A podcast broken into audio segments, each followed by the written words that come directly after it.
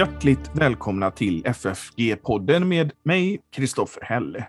Och idag så ska vi samtala med Lars Borgström om hans kommande bok om Romarbrevet. Men är det så att man vill ge ett bidrag till poddens och församlingsfakultetens arbete, gör det gärna på Swish. Numret är 123 100 8457 och så märker man det med FFG Podcast eller FFG Gåva. Numret finns också i avsnittsbeskrivningen till detta avsnitt. Hjärtligt välkommen åter till podden Lars. Tack för att eh, jag får vara med och samtala med dig en gång till. Vi, vi ska säga att eh, du befinner dig faktiskt inte i Sverige för tillfället. Nej, jag är over there i eh, Utah i Förenta Staterna, Salt Lake City. Mormonernas eh, centrum. De har ju sitt stora tempel här. Mm. Ja, det är väl ett stort och maff, en stor och maffig byggnad som de har där. Som man inte går att se, se just nu för att den är täckt i, i byggnadsställningar och så. De, det var en jordbävning här för två år sedan så att det pågår en stor eh, reparation av templet. Jaha, det ser man. Lite ja. lustigt var att eh, ängeln Maroni som de har högst upp på alla tempel, på den högsta spiran som står och blåser i en trumpet, eh, eh, den skadades så att trumpeten föll av eh, här för två år sedan. Jag ty tycker det är ganska... Eh, eh, ja, jag, ser det som en, en, en, vink från himlen att det kanske är en falsk religion. Ja, det här avsnittet ska ju inte handla om mormonerna, men Joseph Smith som, som grundade det, han var väl kanske inte den känd för sin ärlighet direkt. Nej, det är mycket bluffmakeri där, märkliga eh, historier. Man, man förvånas över att, eh, att mormonismen har kunnat spridas så. Ja, det, det får man verkligen säga.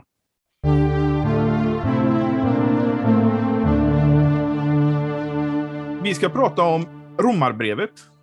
Mm. Och Den allra en... viktigaste skriften i Bibeln, som Luther säger. Ja, och du, du, har, du har skrivit en bok som heter Ett flödande ljus, predikningar vers för vers genom Romarbrevet. Just det, det där titeln, Ett flödande ljus, eh, det är från Luthers eh, företal till Romarbrevet. Det, det är hans ord, mm. som jag citerar. Mm. Och boken är inte eh, ute än, utan jag tänkte att vi gör en introduktion till, till det här och så kan vi, när boken kommer sen senare i vår, så så går vi in lite djupare i dess innehåll. Mm, det blir bra. Mm. Och, eh, men du, du har skrivit den här boken och det är alltså predikningar över... Just det, det är ingen vanlig eh, bibelkommentar utan eh, det har liksom ett, ett eh, homiletiskt eh, och pastoralt anslag att, att det ska vara till uppbyggelse samtidigt som jag vill eh, också eh, det ska kunna vara som en ordentlig bibelförklaring också. Det, det, det, är vers för vers eh, i stort sett som jag går igenom hela romarbrevet i 33, 33 stycken predikningar. Eh, det måste ha tagit sin tid det här? Ja, det har det gjort. Eh, nu har jag inte suttit och skrivit boken i ett streck sådär, men, men den började växa fram redan för, för 15 år sedan. Eh, jag gör ofta så när jag skriver böcker att jag eh, plockar ihop och, och ställer samman eh, predikningar och föredrag och sånt som jag har hållit under åren. Så eh, de eh, första predikningarna som ingår i den här boken, de är nog ungefär 15 år gamla och sen har, jag, har det vuxit fram undan för undan. Mm. Så det här är alltså predikningar som du har, har hållit, alltså, som du har samlat ihop? Ja, eh, hälften kanske. Eh, sen eh, när jag hade fått ihop hälften, då, då tänkte jag oj, men det här är ju faktiskt eh, halva romarbrevet jag har predikat mig igenom och då tänkte jag att det var då jag fick uppslaget att eh, det här kan bli en bok och, eh, och då har jag eh, suttit mig och liksom eh, nyskrivit predikningar, eh, den andra hälften av, av de här 33 predikningarna. Mm. Eh, så, att jag, så att jag inte hållit eh, alla i, i gudstjänster eller så. Men jag har gått igenom, jag, hade, jag har bibelstudier på onsdagskvällar och där har jag faktiskt eh, gått igenom alla 33 predikningarna. Det har du, ja. Ja. Och, det säger lite grann om karaktären på, på predikningarna, att, att, att de fungerar som bibelstudier också, eftersom de är så textnära. Mm. Och eh, hur, hur, hur kommer det sig att du valde just eh, romarbrevet? Var det en, eh, fel att säga slump kanske, men, eller var det ett genomtänkt drag? Eh, nej, men det var väl att jag märkte att jag hade grundstommen till en bok eh, redan vad gällde material. Och sen är ju, det var ju ingen tillfällighet att, att jag hade så pass många predikningar just över Romarbrevet eftersom det är ju, jag håller verkligen med Luther om att det är den centrala skriften i Bibeln eh, som ensamt har ett sådant ljus att det, att det eh, lyser upp eh, hela övriga skriften. Eh, ungefär så uttrycker sig Luther. Så att, kan man Romarbrevet, eh, dess eh, eh, budskap och förstår huvudtankarna, ja då, då förstår man ju hela Bibeln och eh, då förstår man hela eh, kristendomen. För, för kristendomen, säger vi lutheraner med rätta, bygger på Bibeln alena, sola scriptura. Mm. Och det var ju också i, i eh, Romarbrevet som Luther gjorde sin upptäckt. Just det, Romarbrevet 1, 16 och 17, ja precis. Och Luther är inte den enda, utan det finns ju inget brev heller eller någon bok i Bibeln som har haft en sådan eh, välsignad verkanshistoria eh, som har fått betyda så mycket genom eh, Eh, alla århundradena eh, för stora teologer. Eh, deras vittnesbörd har vi ju bevarat, eh, vad Luther säger om sin, om sin evangeliska, eh, sin reformatoriska upptäckt, eh, tornupplevelsen. Eh, och eh, även Augustinus eh, blev omvänd när han läste eh, Romarbrevet. Och en sån eh, väckelseman som John Wesley likaså eh, inom, som blev grundare av metodistkyrkan. Eh, det är de mest kända exemplen, men, men, men eh, sen har vi också alla vanliga kristna som, eh, det, det, kan vi ju inte eh, vetenskapligt belägga eller så, men, men jag kan tänka mig att, eh, att Romarbrevet är det, den eh, bok i Bibeln som har fått betyda allra mest också för, för den kategorin människor. Eh, Saltaren får vi ju inte glömma heller förstås. Men, men eh, Romarbrevet eh, menar jag har en, eh, står i en särställning när det gäller att förstå den, den, den kristna tron. Men alltså, det, det, finns ju en anledning till att Romarbrevet kommer efter Apostlagärningarna. Efter de här historiska berättelserna så kommer Romarbrevet som tydligt förklarar på något sätt, som, som, gör, som eh, ger ljus åt evangelierna och Apostlagärningarna på något sätt. Ja, ja jag, jag, vi kan ju inte säga kanske att, eh, att, den, att den helige Ande har, eh, har lett själva sorteringen av, av bibelböckerna, men, men, men säkert har den tidiga kyrkan haft en tanke med att sortera det på det här sättet. Ja, jo, det, för att det blir ju en, en vad ska man säga, eh, det man inte förstår i, i evangelierna blir ju lättare att förstå när man har läst romarbrevet. Ja, och det går ju på djupet mer. Alltså, eh, det, är, det är det mest teologiska eh, brevet och den mest teologiska bibelboken boken av alla. Eh, och det har ju att göra med att, att Paulus eh, inte hade varit eh, i Rom eh, och träffat församlingen där. Ehm, han kände folk där lite, det, det visar ju på vilken rörlighet som det var i romarriket på den här tiden. Att att eh, folk inte höll sig på en plats. Att även om Paulus själv aldrig hade varit där så, så är det ju en lång eh, hälsningslista i, i, i, slutet, i 16, det sista kapitlet. Men, men eh, vad jag menar är att, eh, att eh, eftersom Paulus eh, inte hade varit där själv så vill han liksom presentera sin, sin lära. Han vill liksom visa att eh, det här är vad jag förkunnar. Och, och, och, så får vi då liksom som ett en, eh, ja, det är många trosartiklar som, som gås igenom i Romarbrevet. Ja. Eh, just, just för att han vill, eh, vill deklarera vad det är han förkunnar. Ja, det, och det är också just det här med människans tillstånd och sen som, som är i till exempel Romarbrevet 7 som är väldigt eh, viktigt för, för den kristne. Ja, och där menar ju vi lutheraner i allmänhet i alla fall. Luther menade ju det, att eh, det är i andra halvan av kapitel 7 där eh, den kristne Paulus eh, som beskriver sig, sitt eget tillstånd där. Att mm. han är både kötslig och andlig. Den här kampen som, som rasar eh, inom oss som kristna. Vi, vi är ju egentligen inte en människa, utan två. Vi är både gammal och ny människa simul samtidigt. Mm. Eh, och, eh, men, men det finns ju andra eh, uppfattningar om det, som de som menar att, att det är den eh, fariseiske Paulus. Alltså han beskriver sin, sitt liv före omvändelsen. Men, men, men eh, så eh, lär inte jag i den här boken, utan jag är eh, fullt och fast övertygad om att det är den omvände Paulus trosliv som beskrivs där. Mm. När du har jobbat med, med, med boken här, du nämner mm. till exempel att du har använt Romance av Armin G. Panning. Är det någon, vad har du att säga om den boken? Ja, det, den ingår i en, i en serie eh, bibelförklaringar som eh, Wisconsin-synoden i USA har gett ut. Det, de går igenom alla 66 böcker. Eh, och eh, det, det, det, är eh, för lekmän.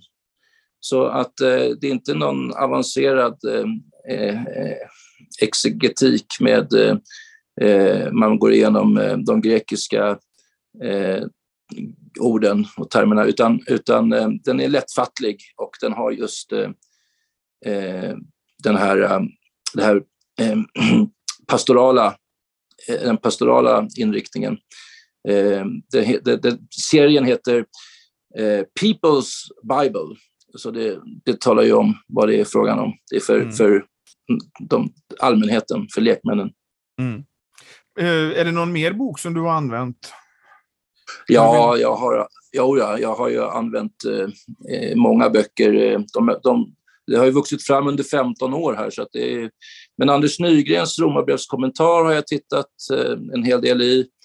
Eh, jag har tittat, eh, på, och det får jag tipsa om också, att man kan gå in på eh, någonting som heter Logosmappen. Eh, där finns eh, luthersk litteratur samlat på internet.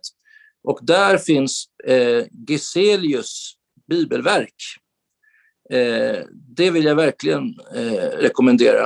Eh, det är tre generationers eh, eh, eh, biskopar, de är, alltså farfar, far och son. De, de var alla verksamma i, i den finska delen av eh, Sverige. Mm. Det här var ju före 1809. Det är alltså slutet av 1600-talet och början av 1700-talet som det här bibelverket växer fram. Och det, all, de, var både, de här tre eh, Geselierna, de var biskopar och teologiprofessorer. Eh, så det är ett, eh, ett mastodontverk. Känner du till det här verket, Kristoffer? Det, det, är väl föregångaren till Fjellstedts eh, kommentar? Det, kan, det, det, kanske man kan säga. Jag har inte hört någon, någon eh, jag göra den. Jag, jag har för mig mm. att jag har hört den, det uttrycket. Ja, Okej. Okay, ja. Nej, men den finns eh, gratis tillgänglig eh, på Logosmappen. Eh, Projekt Geselius eh, kallas eh, det här arbetet att, att, lägga, att lägga upp det här på nätet. Och, och det kan man säga, den står stadigt alltså på den lutherskt ortodoxa grunden.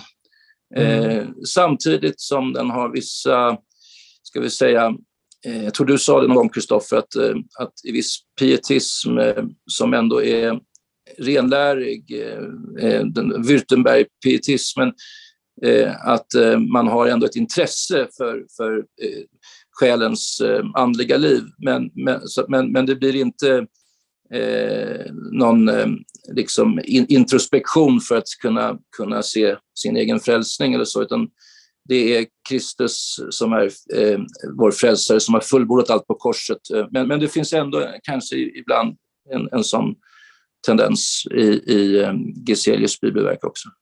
Okej, okay, ja. Württemberg-pietismen brukar enkelt uttrycka det att det är, det är ortodoxi med en personlig applikation. Mm, mm. Just det. Och det. Det är ju hela, hela läran, men att det, man förstår att det gäller dig. Mm. Att, att man, man blir frälst, att det är varje enskild individ, man blir, man blir inte frälst i grupp till exempel, eller eh, för att man följer ett visst system, utan det gäller dig själv, frälsningen. Ja. Eh, så, så brukar jag uttrycka det. Mm. Just det. Ja, men eh, det kan man se lite spår av i alla fall också i Geselius bibelverk. Ja, men, men, eh, så den har du också använt, eh, på, kanske just på logosmappen också? Just det, ja. Mm, ja. Och, Anders Nygrens Romarbrevskommentar, den är ju faktiskt något av en klassiker också, som kom ut i den här serien med flera andra kommentarer. Ja, bland annat eh, Hugo Odeberg gjorde Korintierbreven och... Mm. Eh, to tolkning av Nya Testamentet hette serien ju. det heter den ja. ja. Mm. Jag har precis flyttat den från min bokhylla jämte mig. De kom ju inte så långt. Jag har alla band som kom ut, men, men eh, det är väl en sju, åtta stycken bara. Mm, ja, jag har, är det, jag har ju den här boken, den ligger faktiskt här, som heter Olof Moe, Bibelns, Bibelns sista bok. Ja, och den finns, och så finns ju eh, Odebergs första och andra Korintierbrevet och eh, var det Olof Eh, Linton? Ja, Ja, som Olof Linton har gjort någon, och så Ragnar katolska brev. Ja, och Ragnar Bring Galaterbrevskommentaren, ja. Och så det var Gertner också, eh, Marcus evangeliet. Ja, och sen Gertner och Linton tror jag skrev en. Var det de? Ja, det var väl de katolska det breven. var va, tror katolska breven. Ja. Mm. Ja, Så det, det finns ju de kommentarer. Den, de var ju vidda spridda, men som sagt, som du sa, de kom inte så långt, de kommentarerna. nej. Men då, jag tycker att de har sina förtjänster. Ja, det, är mest, det är mest Anders Nygren och eh, Hugo Odebergs eh, böcker i den serien som jag, som jag själv har erfarenhet av, som jag läst. Ja, Eh, Bertil Gertners eh, kommentar, den är, bär tydliga spår av eh, bibelkritik, så det tyckte jag inte alls om. Nej, det, jag har inte jobbat med dem så mycket, utan det är mest eh, Mm. eh, eh, Odeberg och eh, vad heter han? Nu står det still. Linton, Ja. Mm. Så att de, det är mest de som jag har. Eh. Men Odebergs tycker jag är mycket förtjänstfull. ja, han har ju lite eh, speciell lära om, om nattvarden, men, men det är, nu kanske vi kommer bort ifrån, långt Ja. bort ifrån romarbrevet här. Ja, det gör vi. Men, eh, men eh, så du, du har ju den här litteraturen som du använder, men du har också den här erfarenheten som eh, predikningar ger när man sitter och skriver en predikan. Mm.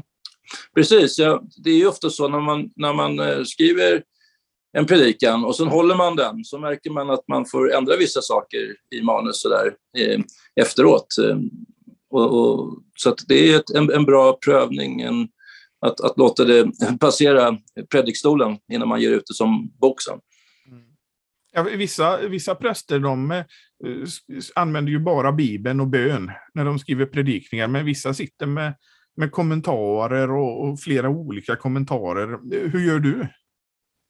Eh, både och.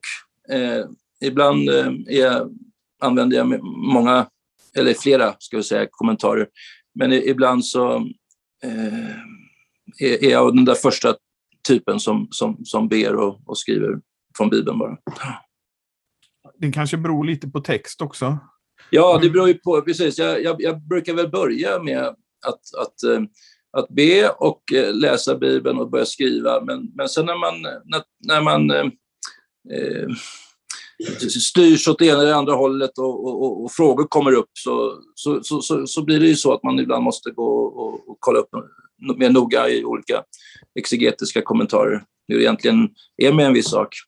Men hur är det när du till exempel i arbetet med den här boken, så vi har ju pratat om exegetik, alltså den här eh, tolkningen av, av Bibeln, men hur, hur gör du när det kommer till systematik? Finns det någonting du använder då till exempel i den här, när du skriver romabrevet och så? Um,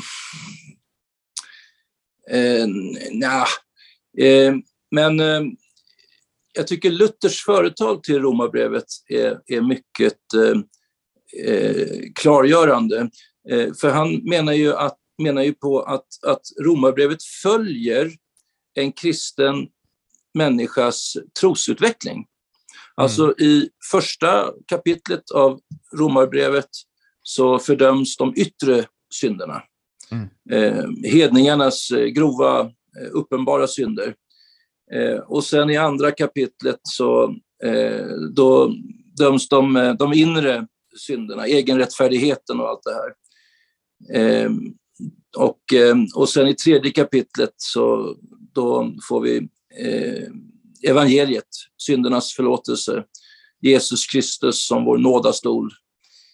Eh, och sen, eh, ja, och, och sen kommer man vidare och när, när kampen uppstår sen mellan kött, köttet och anden, som som man märker mer och mer av som kristen, så, eh, och det är i kapitel 7 som, som Paulus framförallt beskriver det, så, så kommer utkårelsens tröst sen i, i kapitel 8 och fram, andra hälften av kapitel 8 och, och framåt. Eh, när en kristen, när det kommit så långt att en kristen förstår att eh, om det beror på mig, mina krafter, mina insatser, så, så, så kommer jag gå förlorad. Men då får man en underbar tröst just i att eh, eh, allting vilar i Guds hand. Han som har påbörjat sitt verk ska fullfölja det. Mm. Eh, så det, det, är en, slags, eh, eh om, man, ska tala om någon slags systematik eller så, att, att man kan säga, jag har ju satt upp, jag har sorterat in mina 33 predikningar i olika avsnitt. först då har jag då i kapitel 1, vers 1 till och med 17. Det är introduktion och brevets tema, att den mm. rättfärdige ska leva av tro. Det var det som blev eh, till det reformatoriska genombrottet för Luther. Och sen från, från eh, Romarbrevet 1.18 till 3.20 så handlar det om människans avsaknad av rättfärdighet. Alltså att eh, det är ju en lång anklagelselista de här kapitlerna över hela mänskligheten, som både hedningar och, och judar, som Paulus eh, eh, gör. Och sen kommer då nästa avsnitt, eh, Guds givande av rättfärdighet, som sträcker sig ända fram till kapitel 8. Eh, och sen till och med kapitel 8. Och sen handlar det om Israel då och hur Israel har avvisat rättfärdigheten från Gud genom att vara egenrättfärdig eh, kapitel 9 eh, till och med 11. Och sen de sista eh, fem kapitlerna, kapitel 12, 13, 14, 15, 16, så handlar det om hur vi praktiserar rättfärdigheten. Eh, ett helgat liv och i gemenskap med andra i församlingen. Mm. Så det finns en, en, en, tydlig röd tråd i, i, i um, Romarbrevet. Ja, det gör det verkligen. Eh, det är många som har följt den dispositionen.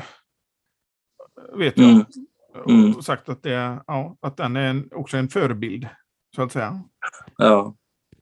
Um, men eh, i, i ditt arbete här med, med Romarbrevet, är det någonting som, som du tidigare har ändrat uppfattning eller som du har tänkt att oj, men det här har inte jag tänkt på innan som du har stött på? Ja, intressant fråga. Ehm, det handlar mest om fördjupning skulle jag vilja säga. Att jag har lärt mig eh, mer på djupet, det som jag tidigare kanske har haft en mer ytlig kunskap om. Jag kan inte komma på något exempel att jag har fått korrigera min uppfattning. Nej. Nej. Men det är att just att det blir en, en djupare kunskap. Eh, menar du att det har eh, kommit fram?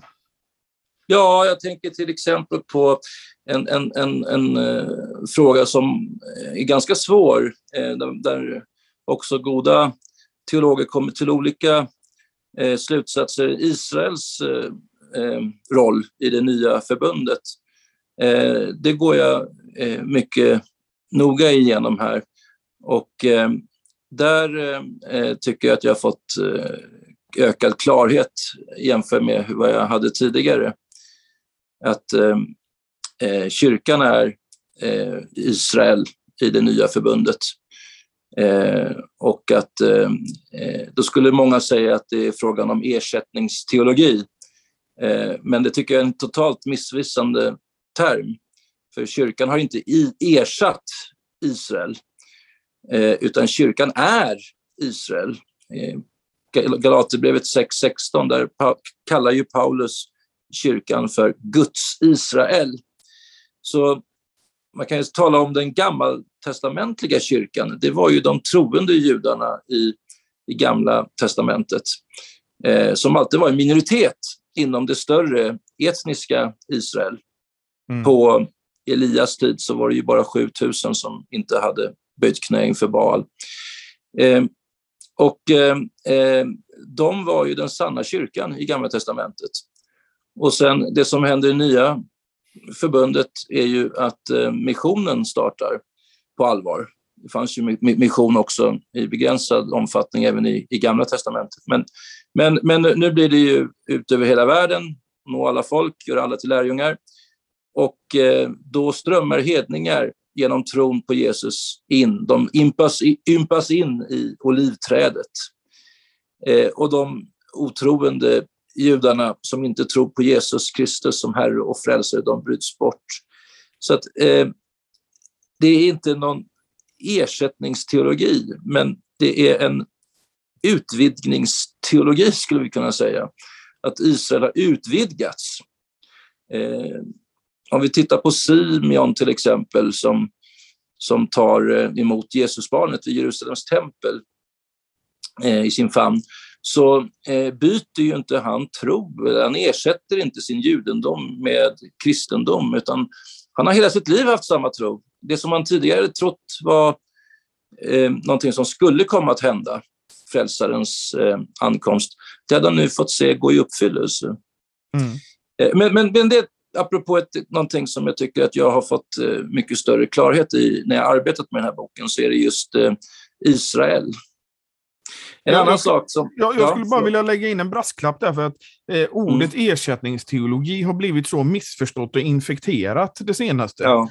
Jag tycker ja. att det blir väldigt missvisande att ens använda det ordet, för att vissa menar en sak och andra en annan.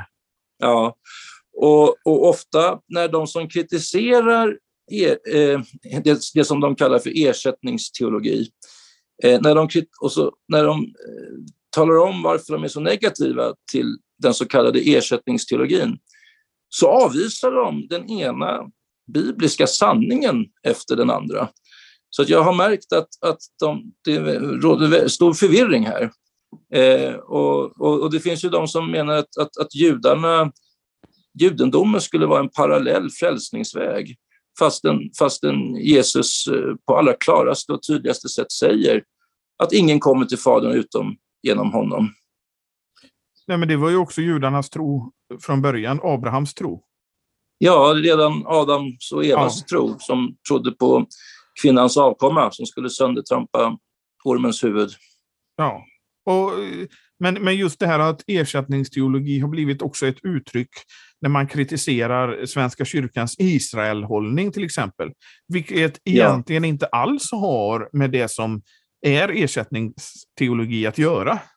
Nej, just man, man blandar ihop det med alltså, politiska och teologiska frågor. Eh, och eh, eh, ibland så, så, blir man nästan eh, misstänkt för att vara antisemit om man, om man eh, menar att, att judendomen inte är en sann och frälsande religion.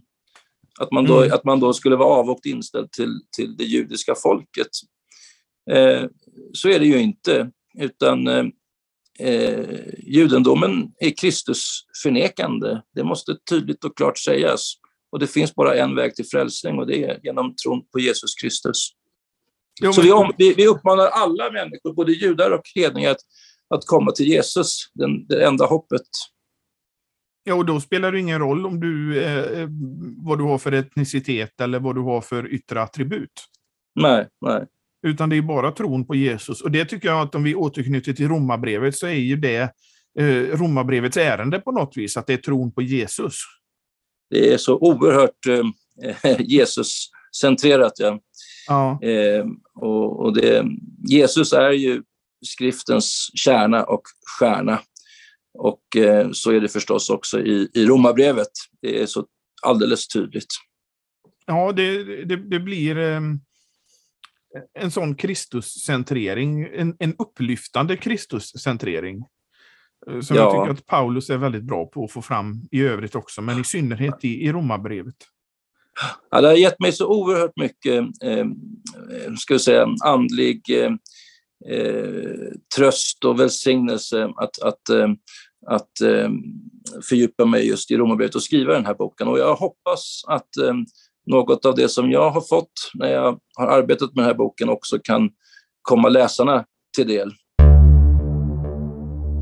Sen eh, sa ju Luther så här att eh, han ville att alla människor skulle lära sig Romarbrevet utan till. Ja, just det.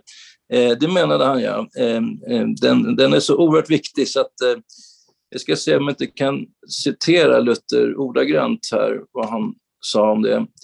Eh, han sa så här, eh, det är alltså från hans företal. Eh, ska vi se. Detta brev är skriften framför alla andra i Nya testamentet. Det innehåller evangelium i all dess klarhet och renhet och är väl värt att en kristen icke blott kan det utan till ord för ord, utan dagligen tar för sig därav såsom av en själens dagliga bröd. Det har i sig självt ett flödande ljus, ensamt tillräckligt att belysa hela skriften. Det är ju tyvärr så att det inte är så många som kan Romarbrevet utan till ord för ord. Kan du det, Kristoffer? Nej, nej, det kan jag inte. det är men, långt, men ifrån, ändå, långt, men, långt ifrån. Jag är väldigt dålig på sånt, på att memorera. Ja, ja. Men, men ändå, återigen, om man ändå förstår eh, huvudbudskapet eh, genom Romarbrevet eh, så, så, så får man ju del av det här flödande ljuset ändå. Mm jag, är, jag är bättre på att förstå helheten än, än att lära mig saker utan till kan jag säga. Så att helheten mm. i det här är ju ändå det viktigaste. Mm. Att man får med sig helheten. Kan du Romarbrevet utan till? Nej, det, det, kan jag inte. Och du har jobbat med eh, jag, blev, jag, blev utmanad, jag blev utmanad av en, eh, av en eh, prästkollega att eh, åtminstone med, lära mig några kapitel. Så jag kanske ska försöka börja med det i alla fall. Får börja med ja. första kapitlet. Men ska man lära sig det på grekiska eller på svenska? Ja, det får duga med svenska. ja, jag tänkte att i nästa avsnitt så ska vi gå lite djupare in på, på innehållet och, och så. Mm. Men det finns vissa ord som, som till exempel eh, eh, används bara i romabrevet som jag tänkte vi skulle gå in på då. Men det finns lite sådana här specialgrejer i romabrevet som inte återkommer på andra ställen. Jag tänker till exempel på Paulus användning, användning av ordet apostlaämbete. Mm. Mm. Det finns ingen annanstans. Så för de som lyssnar så det kommer mer om det här. Okay. När boken kommer. Då går vi in ja. på, mer på, eh, på djupet. Mm. När är tanken att boken ska komma?